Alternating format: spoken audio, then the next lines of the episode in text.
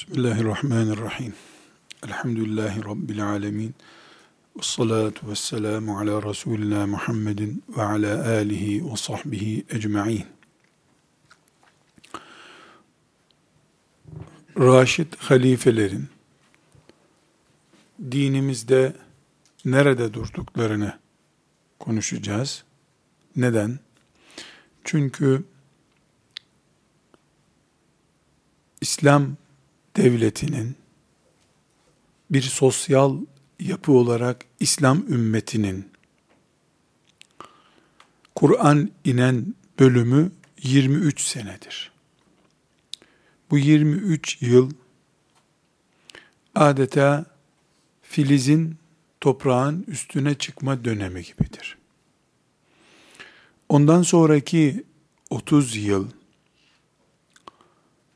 Raşid halifeler dediğimiz Ebu Bekir, Ömer, Osman, Ali radıyallahu anhımın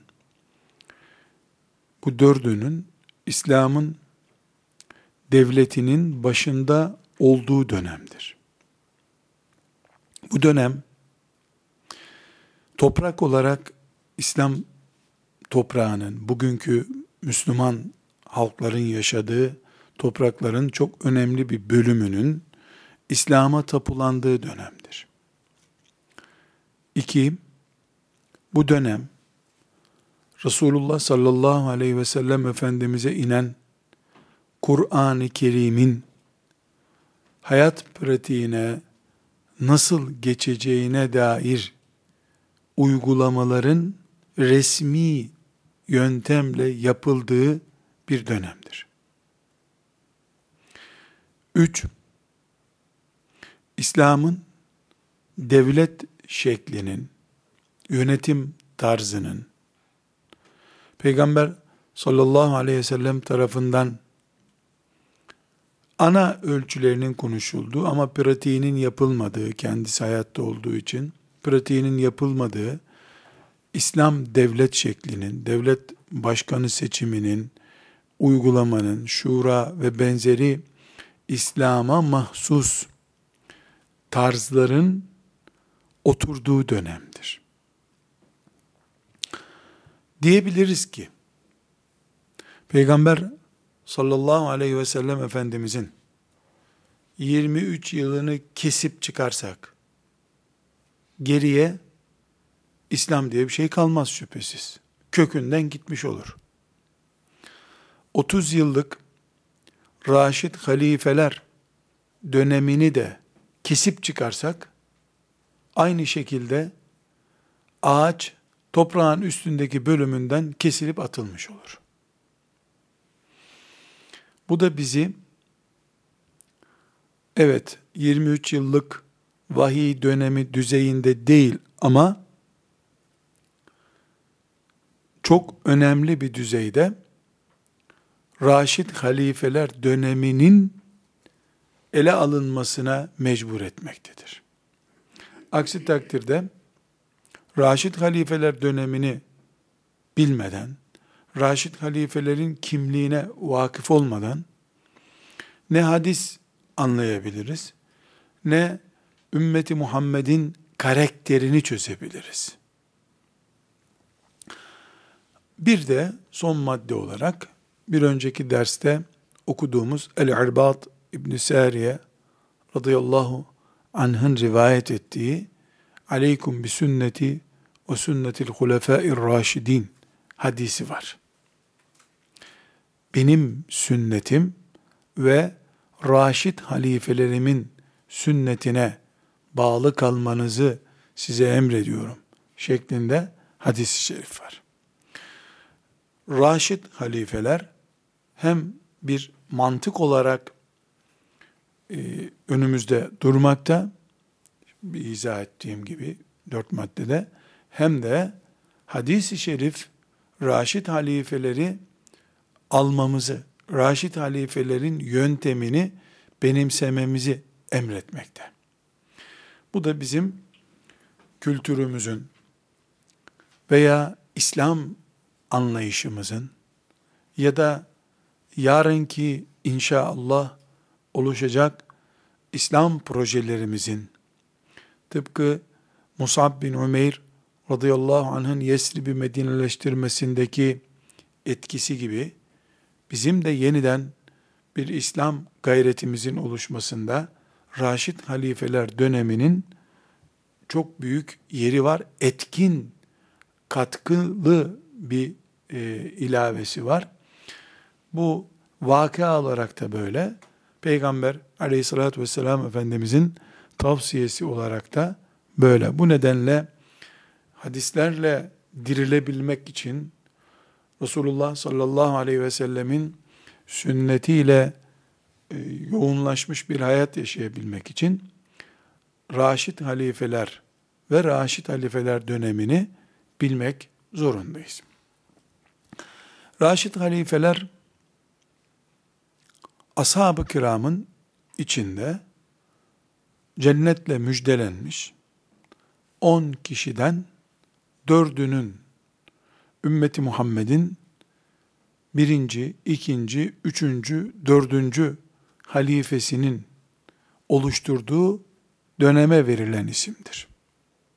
Peygamber sallallahu aleyhi ve sellem Efendimiz'den sonra 30 yıla yakın bir zamanın adıdır. Böylece 30 yıla yakın bir zaman, ashab-ı kiramlı 30 yıla yakın bir zaman. Hem bu dört isim, ashab-ı kiramın ilk dördü, dolayısıyla biz ashab-ı kiramın içinden dört kişiyi konuşuyoruz. İyi bir zemine oturtabilmek için meselemizi, ashab-ı kiram hakkındaki tefekkürümüzü bir kere daha de değerlendirmemizde fayda var.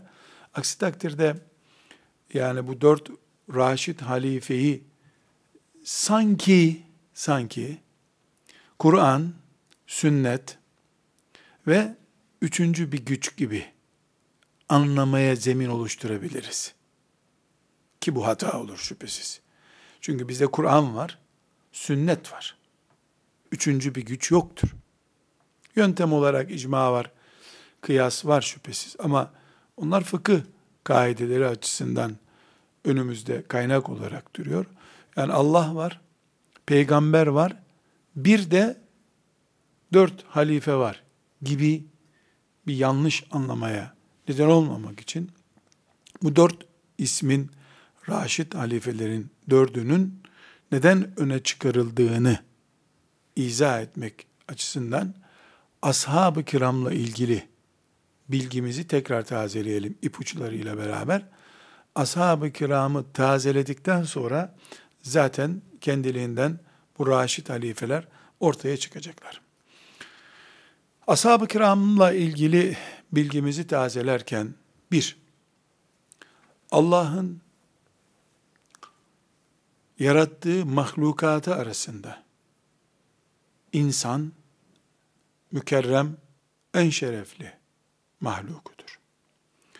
İnsanlar arasında da Muhammed sallallahu aleyhi ve sellem insanlığın en değerlisidir.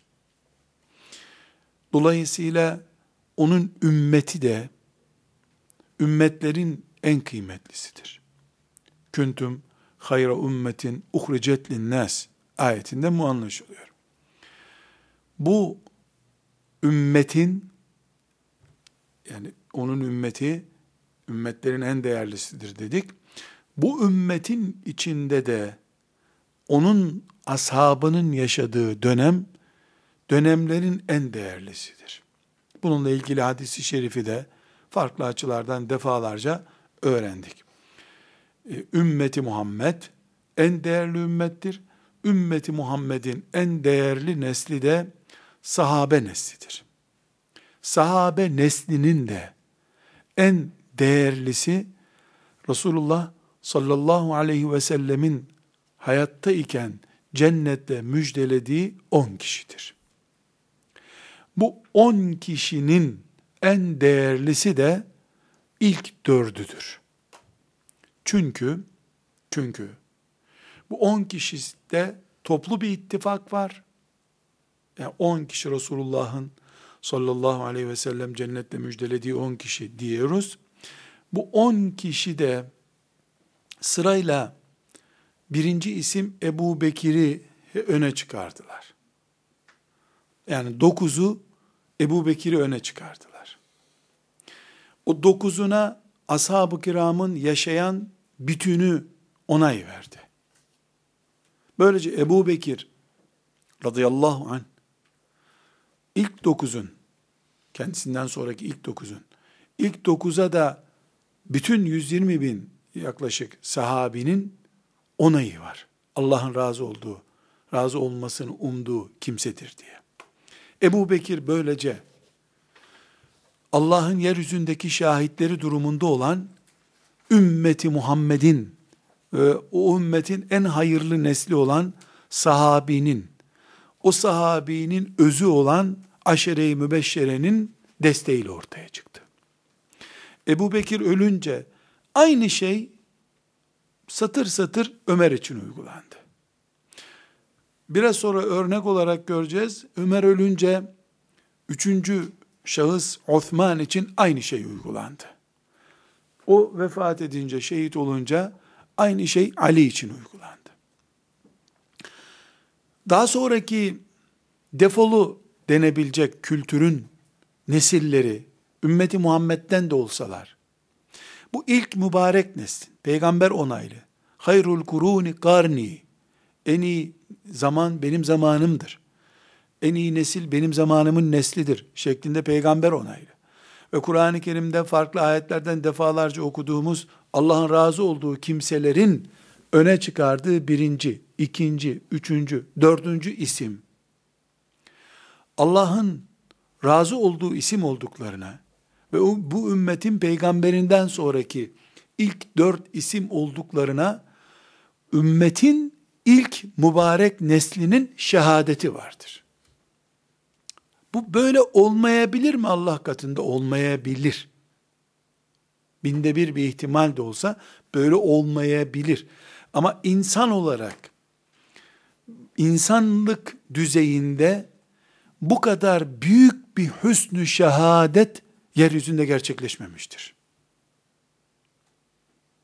Cenazelerden sonra nasıl bilirdinize yarı yalan, yarı bilmeden cahilce he çok iyiydi bilirdik, o alim adamdı filan diyebiliyoruz. Yaşarken Peygamber aleyhisselamın can siperhane yanında bulunmuş on binlerce insanın hüsnü şehadeti başka, öldükten sonra hatır belasına, he iyi adamdı, nasıl olsa alacak bitti, verecek bitti demek başka bir şey. Bu sebeple bu ümmetin içinde Ebu Bekir kadar, sonra Ömer kadar, sonra Osman kadar, sonra Ali kadar, seveni ve sevmeyeni, beğeneni beğenmeyeni, on binlerce Peygamber aleyhisselamın sahabisi olmuş bir mümin kitle tarafından teskiye edilmiş. Yani arkasına geçilip biz bunu beğeniyoruz denmiş. Ne bir lider, ne bir hoca, ne bir alim, ne bir önder yoktur. Bu ashab-ı kiram ve ashab-ı kiramın içerisinden raşid halifelerle ilgili çok önemli bir dipnottur. Bu bize neden lazım? Şundan dolayı lazım. Diyoruz ki Erbad İbn Sariye'nin hadisinde Resulullah sallallahu aleyhi ve sellem ne buyuruyor? Ben ve Hulefai Raşidin diyor. Yani benim sünnetim ve Raşid halifelerimin sünneti diyor. Peygamber sallallahu aleyhi ve sellem dört tane ismi öne çıkarıyor. Bunların peşinden gidin diyor.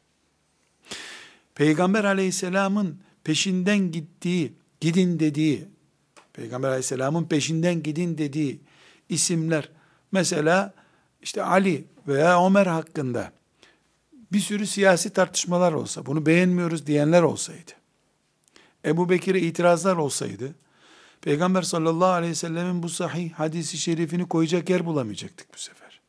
Sözü dinlenmeyen bir peygamber durumuna gelecekti. Tam aksine aralarında bir sürü siyasi e, itirazlar bulunduğu halde, mesela çok basit gibi duran çok önemli bir örnek zikredeyim. Ali radıyallahu an 5 yıl birkaç gün e, ümmetin başında halife olarak bulundu. İlk gününden son gününe kadar Muaviye radıyallahu anh bir sahabi olarak onunla sürtüştü. Karşı çıktı. Hilafetine değil. Ali'nin uygulamalarından biri olan Osman'ın katillerine dokunmama, suçlarının cezasını bir süre erteleyip huzur sağlama taktiğine karşı bu taktiğini reddeden itirazlar yaptı. Bunun için kılıca sarıldı. Bir yığın sahabi de Muaviye'nin yanında bu taktiği destekledi. Burada Ali'ye itiraz yoktur. Ali'nin taktiğine itiraz vardı. Yani hiçbir zaman Ali'yi halife olarak kabul etmiyorum diyen olmamıştır. Bu itiraz, Ali radıyallahu anh'ın bu e, taktiğine itiraz doğru muydu, yanlış mıydı, Muaviye haklı mıydı, haksız mıydı? Gereksiz, lüzumsuz bir tartışma olduğu için buna girmiyoruz. Ali ümmeti Muhammed'in halifesidir. Daha sonra Ali'nin oğlu Hasan radıyallahu anh e, babasından aldığı emaneti Muaviye'ye teslim etmiştir. Muaviye radıyallahu anh Ali'nin oğlu tarafından e, halife seçilmiştir. Bu bir ibradır. İbra hareketidir. Muaviye'nin o güne kadar olan tutumlarının ibra edilmesidir. Ya da Hasan radıyallahu anh'ın Muaviye gibi birine hilafeti teslim etmekle işlediği bir cinayettir diyeceğiz. Peygamber aleyhisselamın torununa bu kadar büyük bir hatayı izafe etmek herhalde kimsenin kabul etmeyeceği bir şey olacağına göre çünkü çocuk değildi. Ulu orta bir Müslüman değildi. Peygamber sallallahu aleyhi ve sellemin yanaklarından öptüğü, bu yavrumla bu ümmet barışacak dediği, bu konudaki hadis sabittir. Bu yavrum bu ümmeti barıştıracak buyurdu. Demek ki o barıştırma taktiği Efendimizin razı olduğu bir şeydi. Barıştırma nasıl oldu? Götürdü Muaviye'ye, ümmetin başındasın sen dedi. Ehli beyte de dokunmayacaksın dedi. Tamam dendi, sulh oldu. Ee, bunlar tarihi bir bilgi olarak zikretmiyorum. Ali itirazsız bir ümmetin başında durdu diyorum. Bu itirazsızlıkta ya Ali ile savaşan vardı denirse yok öyle bir şey diyorum. Muaviye savaşmadı Ali ile. Bu yanlıştır dedi. El hak yanlış gördüğü bir şeye bir sahabinin susmaması kadar da tabii bir şey yoktur. Politika gereği, menfaat gereği susmak daha sonra bu ümmete müptela olmuş bir hastalıktır. Sahabe yanlış gördüğü bir şeyde susmaz, susmadı. Ayşe anamız da radıyallahu anh'a zaten e, Ali ile ciddi bir şekilde savaş için gitmedi. Evlatları arasında sulh yapmak için gitti. E, gafil insanlar ve münafıklar e, anlamadan veya bilerek Ayşe annemizi mızrakların, okların ortasında bıraktılar. Allahu Teala bu ümmeti öyle bir imtihan etmeyi murad etti. Her halükarda e, Raşid halifelerdeki ilk dört isim ümmeti Muhammed'in iman nesli olarak öne çıkardığı dört isimdir. Resulullah sallallahu aleyhi ve sellem de bu dört ismin peşinden gidilmesini emretmiştir. E, bu tamam ya oldu bitti diye itiraz edip ya da tereddüt edeceğimiz bir süreç midir? Hayır. Daha sonra e, ilim dünyasına, e, iman hakikatlerine daldığımızda göreceğiz ki, Ömer bin Hattab radıyallahu anh döneminde, Ebu Bekir radıyallahu anh döneminde ve diğer iki halifemiz döneminde, dinin, devlet ve fıkıh mantığının oturtulmasında bu dört ismin çok ağırlığı var. Biz bu dört ismi ya Hristiyanların azizlerini peygamber gibi İsa gibi gördükleri mantıkla bakacağız. Maazallah bu küfür olur. Öyle bakamayız. Ya da yok diyeceğiz. Ne ya ne karışıyorlar öldü peygamber şeriat bitti diyeceğiz. Bu sefer din ortada kalıyor. Siyasetinden, ekonomiyle ilgili pek çok konu toprakla ilgili pek çok konu, abdestinden haccına kadar pek çok mesele ayazda kalır. Bu dört halifenin e, siyasi kararlarını, fıkıh kararlarını çekip çıkaralım. 10 ciltlik bir fıkıh kitabı 5 cilde düşer. O gün düşer. Bu sebeple Arbat İbni Sariye radıyallahu anh'ın bu hadisi şerifi çok önemli. Bu hadis yani siyasi bir malzeme olarak da Peygamber sallallahu aleyhi ve sellemin geleceği yönlendiren sözlerinden birisi olması olarak da çok önemli. Evet, ashab-ı kiramı yeniden tanımak zorundayız dedik. Yeniden tanırken, yani bir yeni bir başlıkla ashab-ı kiramı tanırken, Raşid halifeleri bir yere oturttuk. İkinci madde, ashab-ı kiramı tanıma ile ilgili, e, ashab-ı kiramla ilgili sevgi veya buğz, yani sevmek ya da sevmemek, Resulullah sallallahu aleyhi ve sellemi sevmek veya sevmemektir. Bu ashab-ı kiramın bütünü için, ensarı için, muhaciri için geçerlidir. Çünkü ashab-ı kiram ya ensardandır ya muhacirdendir. Daha önce Bukhari'den de hadis-i şerifler okumuştuk. Ee, ashab-ı kiramı sevmeyi, bilhassa ensar bölümüne olan sevgiyi Efendimiz sallallahu aleyhi ve sellem imandan saymıştı. Bu bir imandır demişti. Bukhari bunu imanla ilgili hadislerinde zikrediyor. Yani bir Müslümanın e, ashab-ı kiramdan birini sevmesi duygusal bir duygunun ya da hissiyatın sonucu değildir.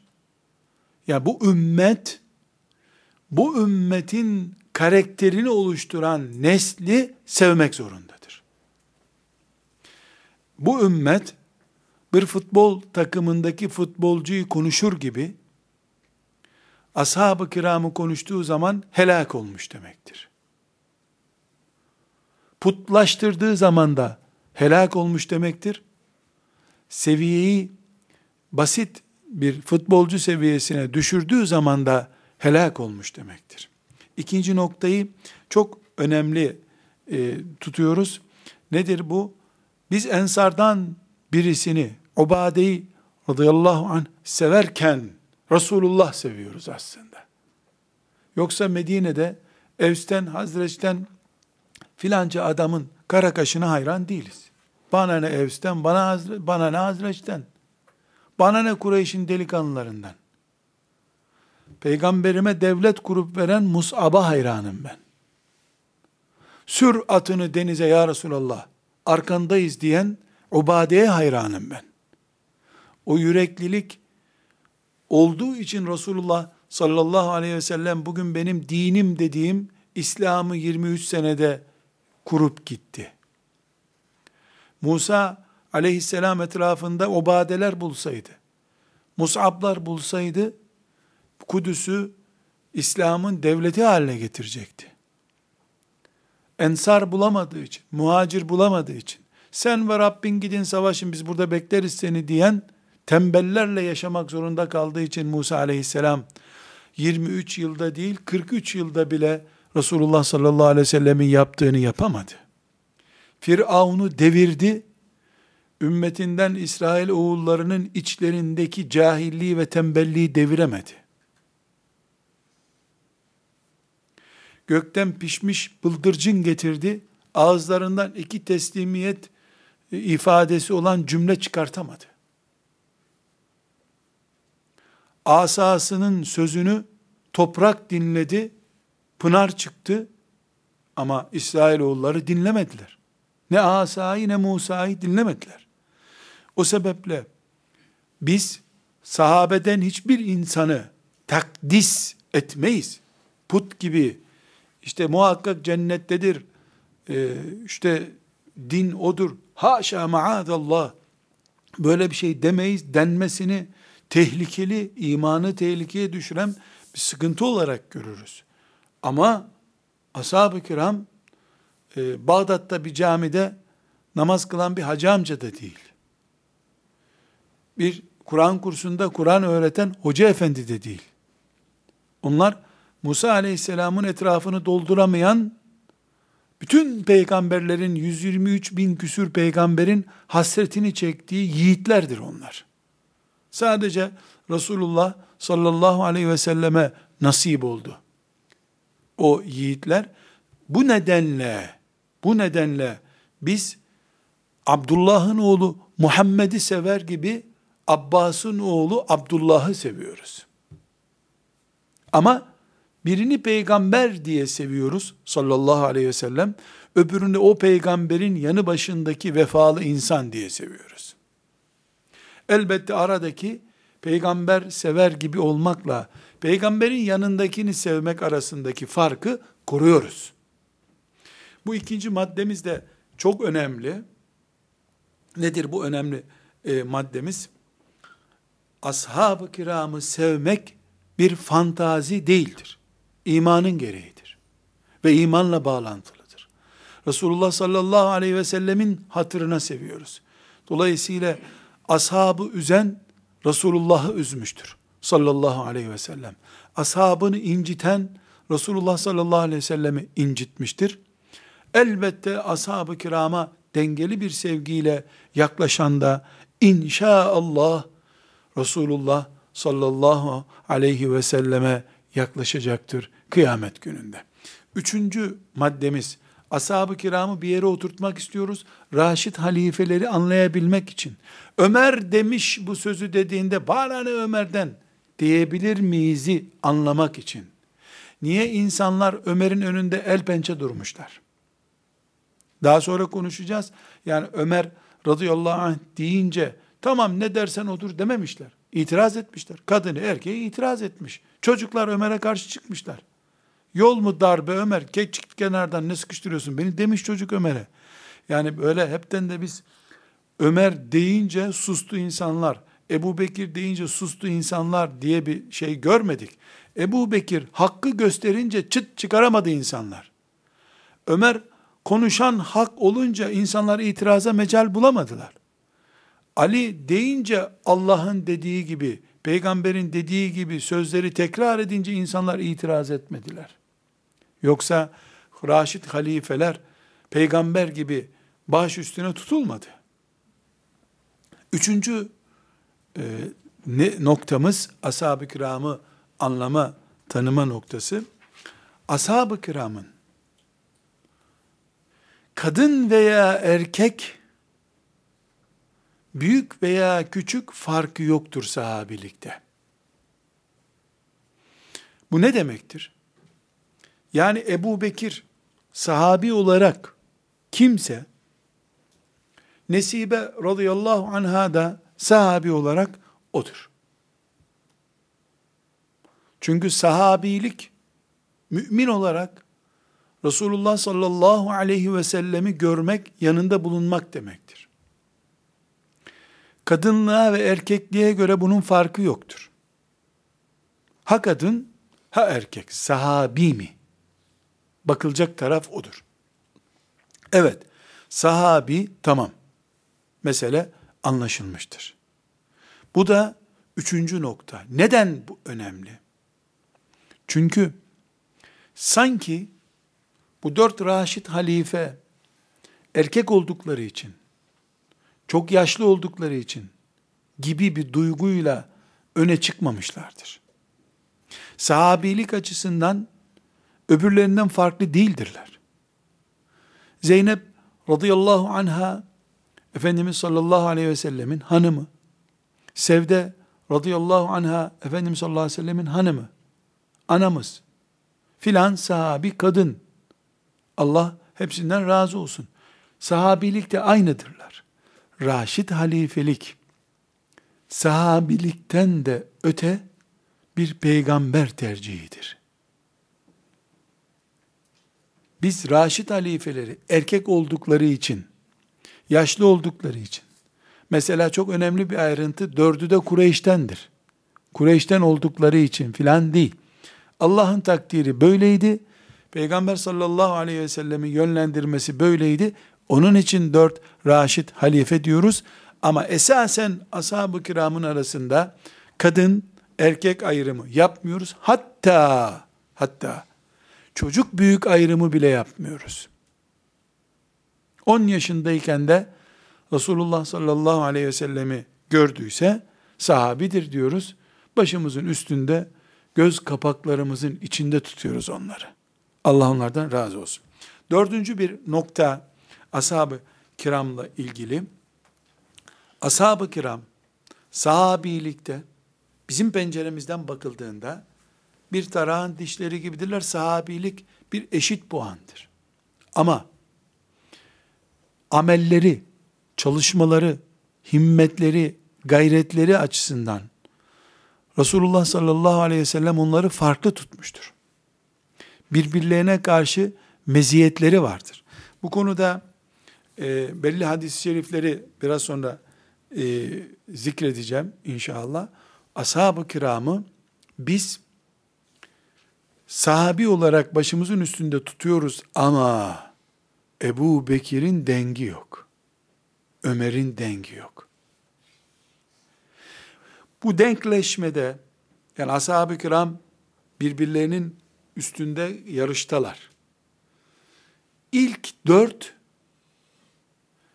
o dördün dışındaki herkesin üstünde durur. Peygamber sallallahu aleyhi ve sellemin belki şu anda aklıma gelen 20'ye yakın hadis-i şerifinde bu sıralama var. Bir kısmını göreceğiz hadis-i şeriflerin. Ebu Bekir ile başlıyor her şey. Her şey Ebu Bekir ile başlıyor. Benden sonra Ebu Bekir ile Ömer'i bulanlar kurtulurlar diyor. Öne çıkarıyor, övüyor. Faziletlerini öne çıkarıyor. Bunların e, öne çıkış nedenlerinin bir kısmını biz biliyoruz. İşte filan savaştaki tutumu, mağaradaki tutumu, infakı vesaire. Çok önemli bir bölümünü de bilmiyoruz. Bize intikal etmemiş. Bize intikal etmediği için de biz Peygamber sallallahu aleyhi ve sellem nasıl sıralama yaptıysa o sıralamaya göre seviyoruz ashab-ı kiramı. Aşere-i mübeşşere dedik. Sonra Bedirliler dedik. Sonra e, Hudeybiye sulhüne kadar ya da Rıdvan beyatına kadar olanlar dedik. Mekke'nin fethine kadar olanlar dedik. Mekke'nin fethinden sonrakiler dedik. Bir sıralama yapıyoruz. Bunların içinde bir ince ayar daha var. Muhacirler ve ensar diyoruz. Ensarın içinde ilk akabe beyatına katılanlar diyoruz. İkinci akabe beyatına katılanlar diyoruz. Sonra ensar olanlar diyoruz. E sonra Peygamber sallallahu aleyhi ve selleme hanım olanlar, anamız mevkiine yükselenler diyoruz. Belli kategorilerde inceleme var ama her halükarda, her halükarda ashab-ı kiram arasında bir bugünkü ifadelerle kullanacak olursak puanlama var muhakkak. Bu puanlama da çok e, hassas bir şekilde yapılmış. Ehli sünnet e, uleması hatta ulemanın da ötesinde ehli sünnetin kültürü olarak oturmuştur bu.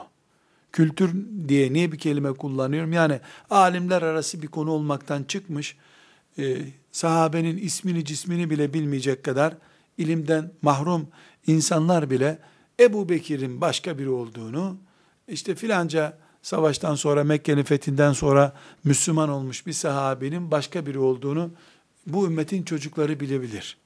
Ömer'le Muaviye'yi hiçbir Müslüman denk tutmaz. Sahabi olarak başının üstüne koyar. Nere Ömer, nere Muaviye de der.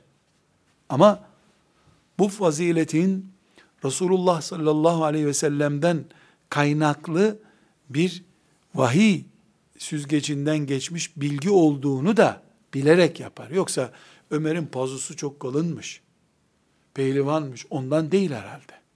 Yani Resulullah'a yakınlıktan, Allah'ın şeriatına sadakatten kaynaklanan bir kalite farkından söz ediyoruz. Bir başka e, beşinci husus, e, bunu zikrettikten sonra e, hadis-i şeriflerden söz edeceğim. E, beşinci husus, ashab-ı kiramı herhangi bir Müslüman gibi anmamak, erkeğine, kadınına, yaşlısına, çocuğuna Allah razı olsun diye dua ederek anmak, dua ile anmak bu ümmetin örfüdür. Bu ümmet Ebu Bekir demez. Ebu Bekir radıyallahu anh der.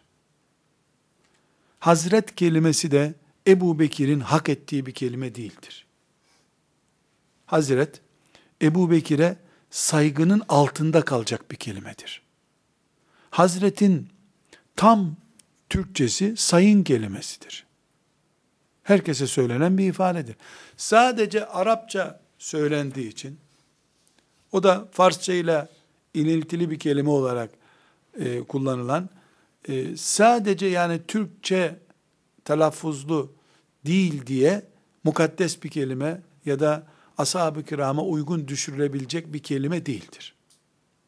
Hazret kelimesi, üçüncü nesilden sonrakiler için kullanılabilir. Kullanılacaksa eğer. Yani e, Hazreti filanca pir, şeyh denebilir. Ama ashab-ı kiram için düşük bir kelimedir Hazret kelimesi. Bu ümmetin selefi, ta ilk nesilden itibaren, yani ilk nesil dediğim asaptan sonraki ilk nesillerden itibaren terziye yani radıyallahu an ifadesini kullanmışlardır. Teamül bu şekildedir. Bu seviyeyi düşürmemek gerekir. Hazreti Ebu Bekir deyince e, bu büyük teamülün, bu e, kaliteli örfün altına düşülmüş olur. Ebu Bekir radıyallahu anh demek lazım. Bu ümmetin teamülüdür. Daha önceki derslerde bunu not olarak kullandığımız halde ashab-ı kiramı zikrettiğimiz bir mecliste tekrar bunu hatırlatmakta fayda buluyorum. Burada e, bir konu yeniden başlık olarak ele almamız gereken bir konu daha var. Raşid halifeleri dinde bir yere oturtmaya çalışıyoruz. Bu ashab-ı kiramın on binlerce sahabinin içerisinden dört tane ismi öne çıkarmaktır. Dışarıdan yüzeysel bakıldığında dört tane ismi öne çıkarmış oluyoruz. Bu peki bu dört tane isim e, öne çıkarma sonradan ihdas edilmiş bir bid'at olamaz mı? Diyelim Erbat radıyallahu anh'ın hadisi yok. Benden sonraki Raşid halifelerin e, sünnetine uyun hadisi yok. Veya var ama benden sonraki halifeler mesela Abdülmelik bin Mervan olabilir mi? O da Peygamber sallallahu aleyhi ve sellem'den sonraki halifelerdendir. Yani biz niye e, Peygamber sallallahu aleyhi ve sellem'den sonraki bir, iki, üç, dördüncü ismi özellikle öne çıkarıyoruz? Bu ashab-ı kiramın içerisinde e, hakkaniyetin dışına taşılmış bir e, ayrım olabilir mi? Ve bu böylece bir bid'at olarak telakki edilebilir mi diye soruyoruz. Buna cevap olarak e, özellikle Ebu Bekir'in, Ömer'in, Osman, Ali'nin e, öne çıkarılması ile ilgili ipucu olacak bilgiler zikretmek istiyorum. Bukhari'nin 3655. E, hadisi şerifinde e, İbn Ömer radıyallahu anhumanın bir sözü var. Diyor ki Künna nuhayyiru beynen nasi fi zemenin nebiyyi sallallahu aleyhi ve sellem. Fe nuhayyiru Eba Bekrin, thumma Umar ibn el-Hattabi, thumma Osman ibn Affan radıyallahu anhum. İbn Ömer radıyallahu anhuma diyor ki biz Peygamber sallallahu aleyhi ve sellemin günlerinde yani Peygamber sallallahu aleyhi ve sellem sağken insanların şu daha iyi, bu daha iyi diye iyilik ayrımını yapardık diyor. Buradaki ifade çok önemli. Peygamber sağken bir iş yapıyorsa insanlar, sağken peygamber sallallahu aleyhi ve sellem, bu iş eğer yüzde bir oranında bile yanlış ise, Peygamber sallallahu aleyhi ve sellemin buna sessiz kalması asla mümkün değil. Hatır için, pozisyonu dağıtmamak için veya siyasi bir e, mekanizma işleyişini önlememek için Resulullah sallallahu aleyhi ve sellemin yüzde bir de olsa yanlışlık ona sessiz kalması mümkün değildir. İbn Ömer ne diyor? Künna nuhayyiru beynen nasi fi zemenin nebiyyi sallallahu aleyhi ve sellem. Peygamber sallallahu aleyhi ve sellemin zamanında biz insanların hayırlısı filan derdik diyor. Ve bunu Ebu Bekir yapardık diyor. Önce fe nuhayyiru Eba Bekir. En hayırlı Ebu Bekir derdik. Sonra Ömer bin Hattab derdik diyor. Sonra da Osman İbni Affan derdik diyor. Demek ki İbni Ömer radıyallahu anhumanın rivayetinde Bukhari'nin bu hadi 3655. hadisinde çok net e, bir şekilde anlaşılıyor ki e, ashab-ı kiram Ebu Bekir en iyi. Ebu Bekir'den sonra da Ömer en iyi. Ömer'den sonra da Ali, e, estağfurullah, Osman en iyi diyorlarmış. Bunu hadis-i şeriften anlıyoruz. Bugün bizim Ebu Bekir bir numara, Ömer iki numara değişimiz herhangi bir şekilde bid'at, bu dine ilave, dinin içinde bir sulandırma kabul edilemez. Neden? E, İbn Ömer bunu peygamber sallallahu aleyhi ve sellemin zamanında söylüyormuş. Peygamber sallallahu aleyhi ve sellemin kulağına gitmiş bu sözler demek ki. Ve itiraz etmemiş. İtiraz etmeyince de mesele yok. Burada yine Bukhari'nin 3671. hadisi şerifi var.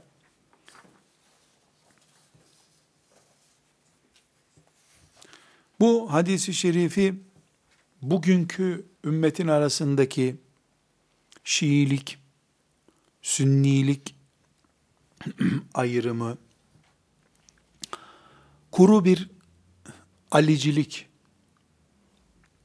anlayışı, Ali'nin radıyallahu anh hakkının verilmemesi gibi iddialar, cahilce iddialar penceresinden de dinlenebilecek. Hadis-i şerif Buhari'de dedim 3671. hadis-i şerif. Yani Buhari demek bizim gözümüzde şu elimde tuttuğum gözlüktür diye ne kadar inanıyorsam Allah'ın izniyle Buhari'nin rivayet ettiği bir hadisinde öyle olduğuna inanıyorum. Belki bu plastik gözlük bunu aldatılmış olabilirim ben. Yani verdiler ben de ciddi gözlük zannettim ama Buhari'de bu ihtimal de yoktur. Biiznillahü Teala. Buhari'ye güveniyorum ama asıl güvendiğim de Buhari değil. Ümmetimin tam 1200 senedir Buhari'yi sevmesine güveniyorum. Bu kadar büyük bir sevgiyi Allah durup dururken bir insana yüklemez. Şimdi Buhari'ye itirazlar var ama İngiltere'de İslam öğrenenlerden okuyup yazanlarda Buhari itirazı var.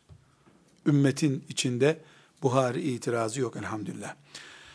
Muhammed bin el-Hanefiye var. Hazreti Ali radıyallahu anh'ın oğludur. Hasan Hüseyin'in dışında onlarca çocuğu var Ali'nin. Bunlardan bir tanesidir. Muhammed İbnül Hanefiye. Diyor ki, Kultu li ebi, eyyün nasi hayrun ba'de Resulillahi sallallahu aleyhi ve sellem. Babama dedim ki diyor, babası Ali, Ali bin Ebi Talib radıyallahu anh.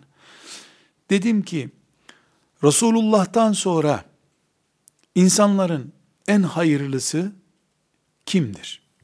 Kale Ebu Bekir. Ebu Bekir'dir dedi. Kultu thumme men sonra kim dedim. Kale thumme Ömer. Sonra Ömer'dir dedim diyor. Dedi babası. Ve haşitu en yekule Osman. Korktum bir de Osman derse diyor. Yani Ömer yerine Osman der mi acaba diye. Kultu sümme ente. Sonra sen geliyorsun değil mi? Yani sümme men kim dersem Osman diyecek. Üçüncü isim olarak Osman'ı zikredecek diye korktu. Onun için kim dememiş de sonra sen geliyorsun değil mi demiş. Üçüncü olarak. Kale Ali'nin cevabına bakıyoruz şimdi. O Osman mı sormayınca, sen mi sorunca şu cevap vermiş. Ma ene illa raculun minel muslimin. Yavrum ben sadece Müslümanlardan bir adamım, başkası değilim demiş. Üç benim dememiş. Ali radıyallahu an. Bizim açımızdan Ali bir olsa ne olur, dört olsa ne olur, sekiz olsa ne olur, puanlamanın üstüne taşırılıp da başka bir noktaya bizi ne ilgilendiriyor? Ama sahih bir rivayetten Ali'nin Ömer'den sonra üçüncü adam benim gibi bir ifadeyi görüyoruz. Bir de peygamberin damadı, Allah'ın arslanı, Hayber'in fatihi, say sayabildiğin kadar meziyetlere rağmen ma ene illa raculun minel muslimin diyor. Ben Müslümanlardan bir adamdan başkası değilim. Sıradan bir Müslümanım ben. Sahabelik bu işte. E var yavrum bizim de e, bizim de var bazı yatırımlarımız. Dese kimse bir şey diyemezdi. Vallahi doğruydu. Ama bunu dese o Ali olmazdı. Ebu Bekir'e de sorsam bir numara benim hiç demedi. Ömer hiçbir zaman iki numarayım demedi. Vay Ömer'in başına gelen Ebu Bekir'den sonra beni buraya niye getirdiniz dedi. Birincilik peşinde koşmadılar. Allah'ın rızasının peşinde koştular. Filancanın peşinden sonra ben geliyorum demediler. Ma ana illa raculun minel müslimin dediler. Bu ifadeyi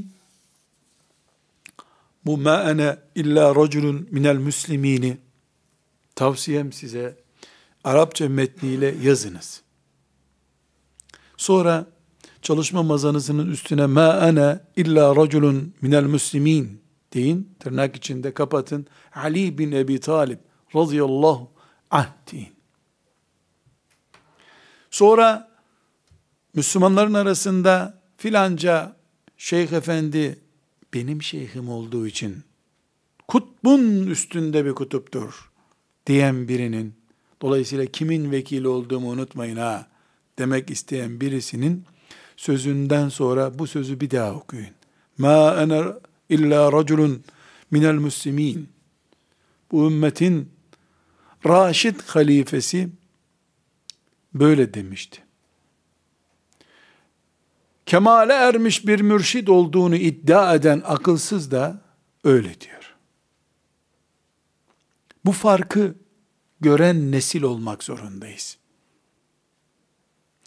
kendisini överek kendi reklamını yapanlarla reklamı yapılınca haya edip Allah'tan utanıp gözyaşı akıtanlar arasındaki farkı bilmedikçe birileri boynumuza bir kement takıp bizi dolaştırır caddelerde.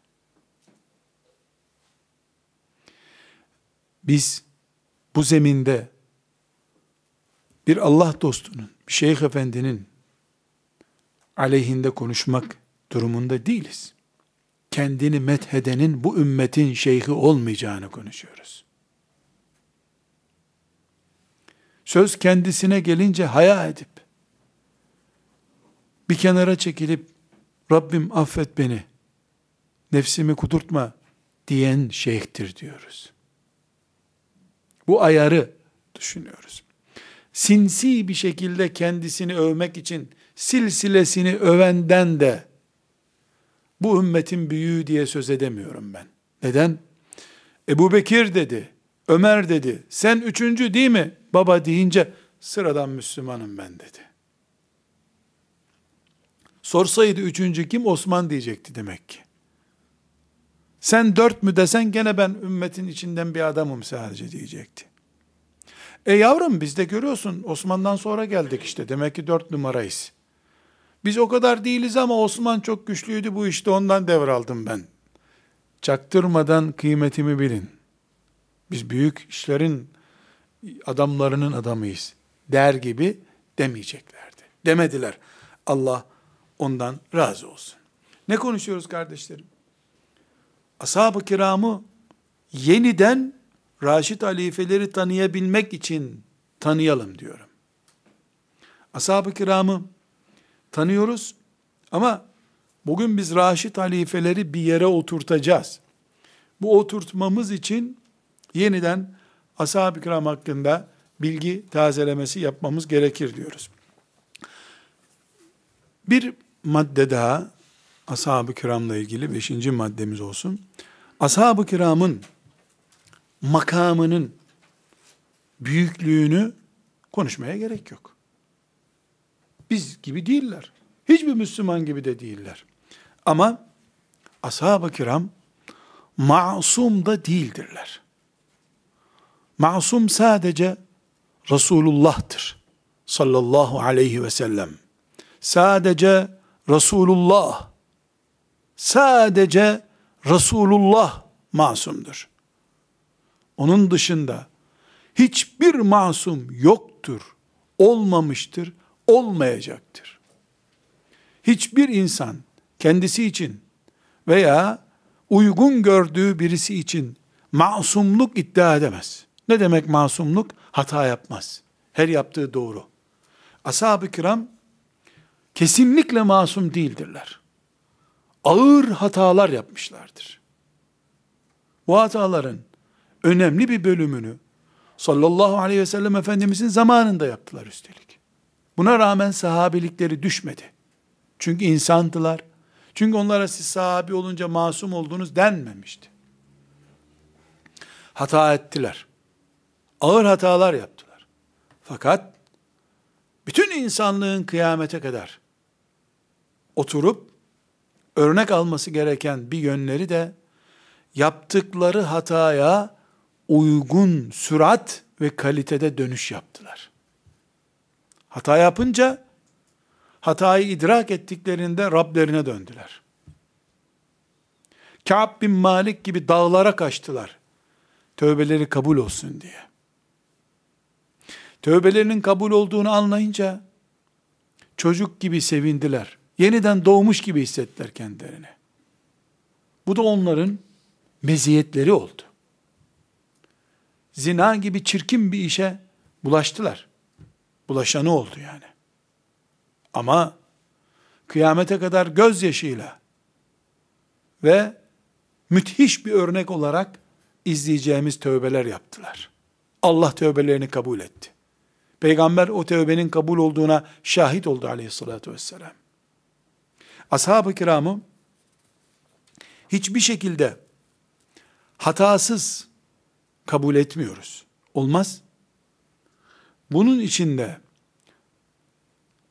ashab-ı kiramı hatalarına rağmen hatalarının yüzünden sahabilikten düşürmediğimiz gibi örnek olarak alırken hatalarıyla beraber alıyoruz. Bize sahabiliği kalıyor. ibret olarak hatası da Rabbi ile kendisi arasında kalıyor. Bu kadar kısa. Sadece riddet olayı bunun dışındadır. Ashab-ı kiramdan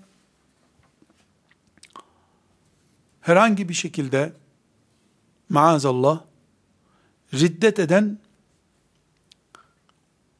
olmuş mudur, olmamış mıdır bir münakaşa yapılabilir ama görünen o ki ashab-ı kiramdan olduğu halde sonradan riddet edenleri de var. Yani dinden çıkmış. Zaten biz sahabi kim ediyoruz? Resulullah sallallahu aleyhi ve sellemi mümin olarak görüp o şekilde ölene sahabi diyoruz. Mümin olarak ölmediyse zaten sahabilik kadrosunda değil. Biz 120 bin sahabi var veda haccı istatistiklerine göre derken 120 bin mümin olarak ölmüş sahabi var diyoruz. Mürtet oldu gittiyse riddetten sonra zaten o isimden yani gelip geçmiş e, bir bahar yağmuru gibi bir nasip vurmuş ona. Onun da kıymetini bilmemiş. Dolayısıyla konuştuklarımız riddet sorunu yaşamamışlardır. Yaşamamış olanlardır. Burada Raşid halifelerin yerini konuşuyoruz. Raşid halifeleri oturttuğumuz yer ashab-ı kiram koltuğudur. Ashabın ilk dördüdür diyoruz. Ashab-ı kiram arasında meziyetler farkı var. Bu fark Raşid halifelere yansımıştır diyoruz. Burada bir noktayı özellikle vurguladık. Raşid halifeler de dahil olmak üzere, Raşid halifeler de dahil olmak üzere, ashab-ı kiram masum değildi diyoruz. Allah hepsinden razı olsun. Hata edenleri oldu. Bu onların hiçbir şekilde bu duygularımızın değişecek bir şekilde incelenmesinin sebebi değildir. Çünkü Resulullah sallallahu aleyhi ve sellem onlardan o hatalarına rağmen memnundu. O hatayı işlediklerinden sonra radıyallahu anhum ayeti indi. Bir sıkıntı yok. Burada çok önemli bir ipucu niteliğinde ashab-ı kiram hakkında edebimizi korumak, kıyamet günü de e, onlardan birinin başımıza bela olmaması için ağzımıza hakim olmak açısından Zehebi'den bir nakil yapacağım. Yani e, Zehebi tekrar etmeme gerek yok. A, belli altın adam zaten. Müthiş bir tespiti var. Siyer-i Alam'ın Nübela'da birinci cilt 187. sayfada e, Mistah bin Üsase radıyallahu anh'ı e, anlatıyor. Mistah sinle. Mistah sin, ta ve ha harfiyle Üsase radıyallahu anh. Bu sahabe kimdir? Bunu çok iyi biliyorsunuz. Gariban, fakir bir sahabeymiş. Ee, geçinemiyor. Ebu Bekir radıyallahu anh'ın sadakalarıyla geçiniyor. Ayşe annemize yapılan iftiranın baş suçlularından biri. Kırbaç yemiş. İftira kırbacı yemiş. Bunu anlatıyor Zehebi. Ee, biliyorsunuz Ebu Bekir radıyallahu anh bu dedikoduyu yayanlardan birinin mıstah olduğunu öğrenince yok ya benim sadakamla geçiniyor bir de kızıma iftira ediyor diye yok buna kuruş demiş. Sonra ayet inip ya Allah'ın da sizi affetmesini istemiyor musunuz? Affedin. Deyince de affettim ya Rabbi demiş. Gene sadakasını ona vermeye devam etmiş. Şimdi bakınız.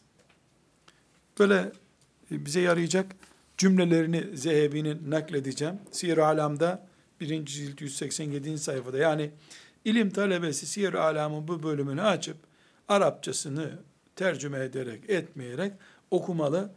E, müthiş tespit yapıyorum. E, Mistah İbni Üsate diyor, iki nokta üst üste. Şimdi bakın ifadelere bak.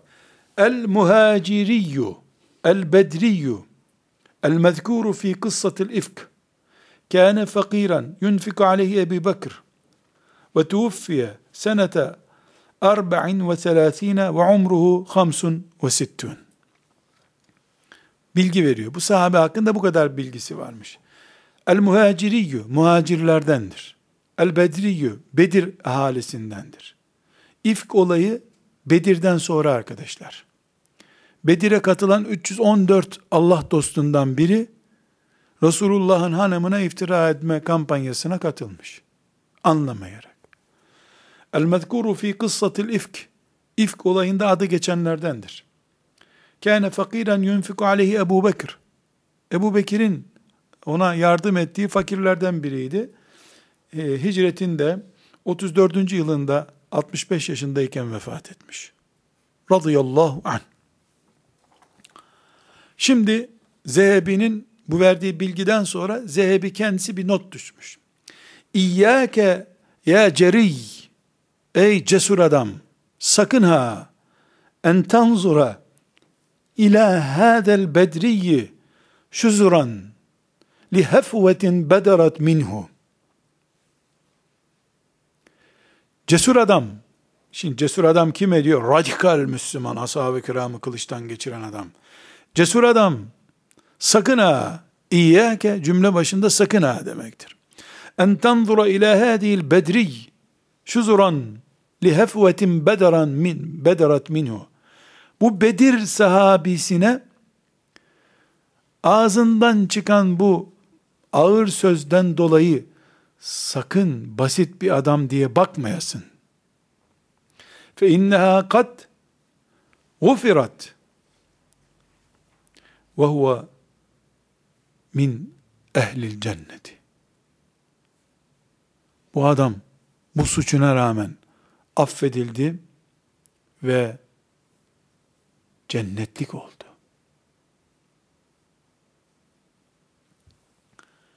Yani bu bahsettiğin hefve ağızdan çıkan gaflet sözü bağışlandı ve mistah cennete girdi. Sen nasıl dedikodusunu yaparsın bunun? Burada neyi konuşuyoruz?